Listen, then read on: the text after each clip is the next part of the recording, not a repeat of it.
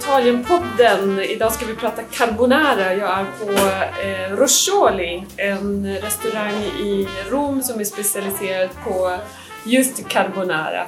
Um, so I'm here with you. Hello, What's your name? Tommaso, Tommaso Fratini. Fratini. Nice to meet you. Nice to meet you too. And what do you do? I'm I am the head chef of the Rimessa Roscioli. We are in Rome, and we're gonna speak a little bit about our tradition, about our foods like carbonara, how to make it, and uh, we are really proud about this kind of traditional food. And what is the secret when you make carbonara? So first of all, which are the ingredients?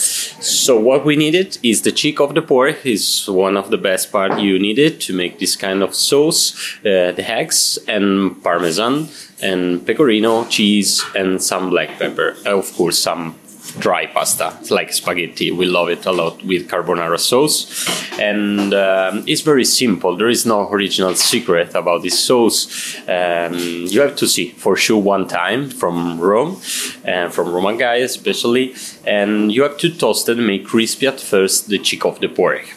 Could you, can you use bacon? Uh, to be honest, if you want to follow the traditional way, you cannot use it. But I'm not no one to say you cannot use it. It will be good. If you don't find the chick, of course you can use it. In have to just to send you to tell you, it's not the same. Uh, it's different part. The cheek of the pork is working a lot in the animal to eat it. The belly is more relaxed, is more fatty, and other things. Uh, it looks the similar, looks the same, but it's not the same. But you can use it if you want. What's the Italian name? Guanciale. Guanciale. It means the cheek of the pork. And uh, you need fresh eggs. This is the secret. So you have to be. You're gonna you you're gonna hit raw the eggs. It's gonna be the same the sauce, um, but the secret is when you make a creamy sauce, you don't have to overcook the eggs. So have to be really fresh because you're gonna hit raw. And um, the first things you have to make crispy the guanciale and you have the time you need the time to make crispy. So you cannot put it in a high fire but you have to use low fire for a long time. It's going to be nice and crispy outside Do and you put oil in the pan? no never Never. because when you have the fat of the pork uh, you're gonna use the same fat to make crispy so if you see when you make the crab guanciale crispy it's gonna be a lot of fat inside the pot because it's a fatty part of the pork so we're gonna just cut it put it in a um, raw pot we use switch on the fire and you're gonna keep it. And you you can forget it. Uh, there is um, um, a rule if you make in a hot pot like when you cook the steak you make fried so you do like on the two sides you're gonna make a nice and crispy outside. But inside is gonna still raw and when we're gonna speak about the cheek of the pork is aged salami like aged salami. So you cannot eat it to be honest raw. And so for this one you have to make with low fire so it's gonna cook inside and after it's gonna be nice and crispy outside.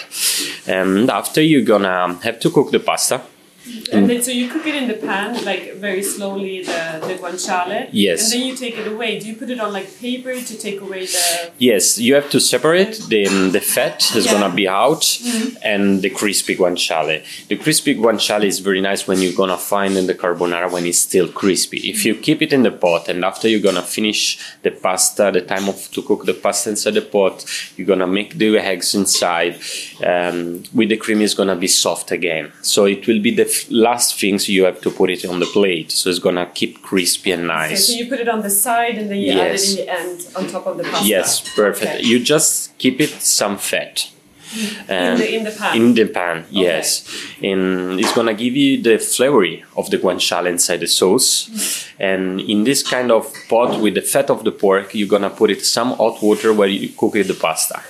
And another secret, if you want to make a Roman dishes, you don't have to mm, make too much salt inside the water because we're gonna use the same water to finish the time of cook of pasta inside the pot. So we're gonna use it to make the creamy. so very little salt in the water. Yes, just a touch, we say. Okay. Un pizzico. pizzico. Un pizzico. Uh, That's very tricky for Swedish people. We don't really understand what you mean with yeah, pizzico. pizzico, is just a little. Just a little.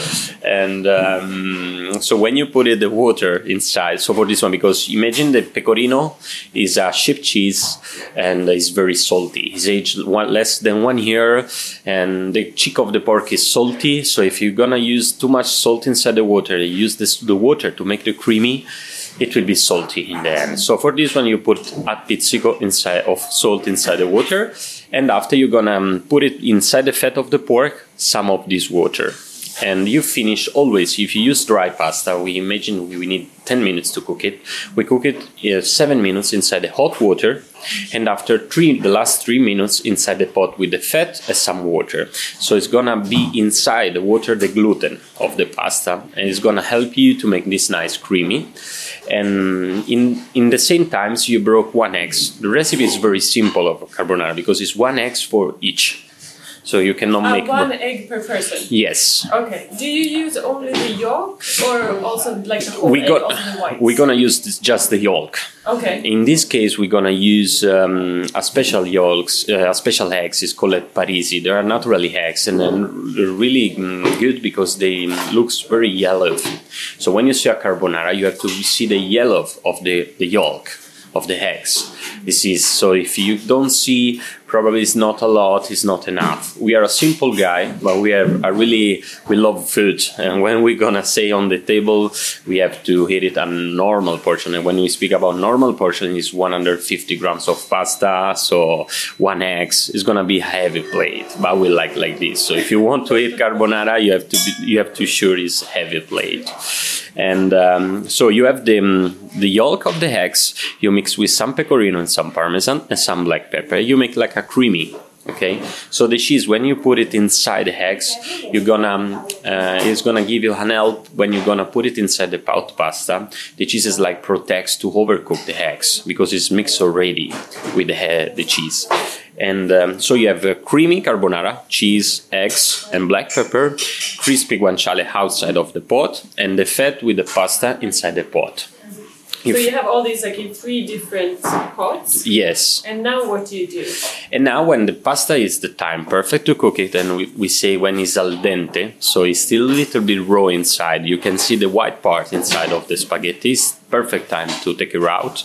You switch off. You have to remember this one is the, long, the last things. When you put eggs or cheese inside the, the pot with the pasta, you have to be switch off the fire. If you keep the switch, uh, if you keep the fire on, you're gonna make scrambled eggs, and this is not good for carbonara. No. Not good for carbonara. No. And um, so you mm, you have to finish the time of cook pasta. You switch off the fire. You put the creamy of eggs and cheese and black pepper inside. You're gonna mix it a little bit.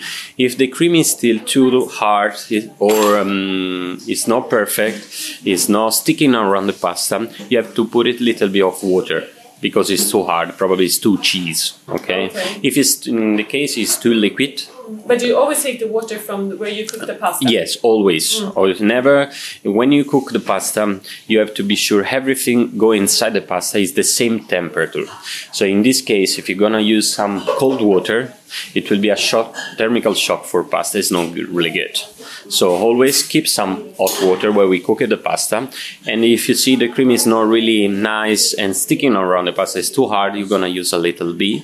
Or if it's in case it's too liquid, you have to put more cheese. Okay. So- you kind of need a little bit of experience there. too. Yes, in, we said we cook not with our hands in Rome, but with our eyes. This is very important. So you have to see. Uh, there is not a exactly recipe about it. You have always can change a little bit because the size of eggs is not usually the same. So sometimes one is more bigger, sometimes more uh, less wage. So it You have depends. to adjust. Yes. In, in Sweden, it's very common. Don't be upset now, but it's very common to to make carbonara with cream. Yes, this is. Panna. I want to tell you something. When I was in London and my first experience with, with, was with a famous chef, he said me, if you want to get a job, you have to, you come from Rome, you make me a carbonara. If I'm gonna be nice, you get a job. If it is, I don't think it's good, you cannot get a job. So I done my one, this kind of recipe. He said me, I don't like it. He says something bad, but I said I don't like it because there is no chives, there is no double cream, there is no garlic. I said probably in London the carbonara they mean something like that. But if you come in Rome and you go in a um, normal house and you ask a carbonara, there is no double cream, there is no chives, there is no garlic. So the kitchen is open mind. You can change the recipe. But if you want to call traditional carbonara, you, you need just eggs, cheek, black pepper, and cheese, and dry pasta. That's it. And how many carbonara did you make in your life? Uh, I forget the number. I don't know. We're gonna eat a lot, and uh, it's a it's something typical for Sunday lunch at Sunday because it's an energetic plate of pasta. You have the eggs inside, the cheese, the cheek, so it's very energetic. You need six hours after to go around the city and feel it more better and more light. And what would you drink with it? What is what do you drink with the carbonara here in Rome? In Rome, we love a nice red wine and in this case we're gonna use a lot schioppettino it's a typical nice red wine. It's gonna give you a flavor of black pepper inside. So a spicy red wine it will be a really good choice for carbonara. Okay thank you so much. You're welcome. Thank you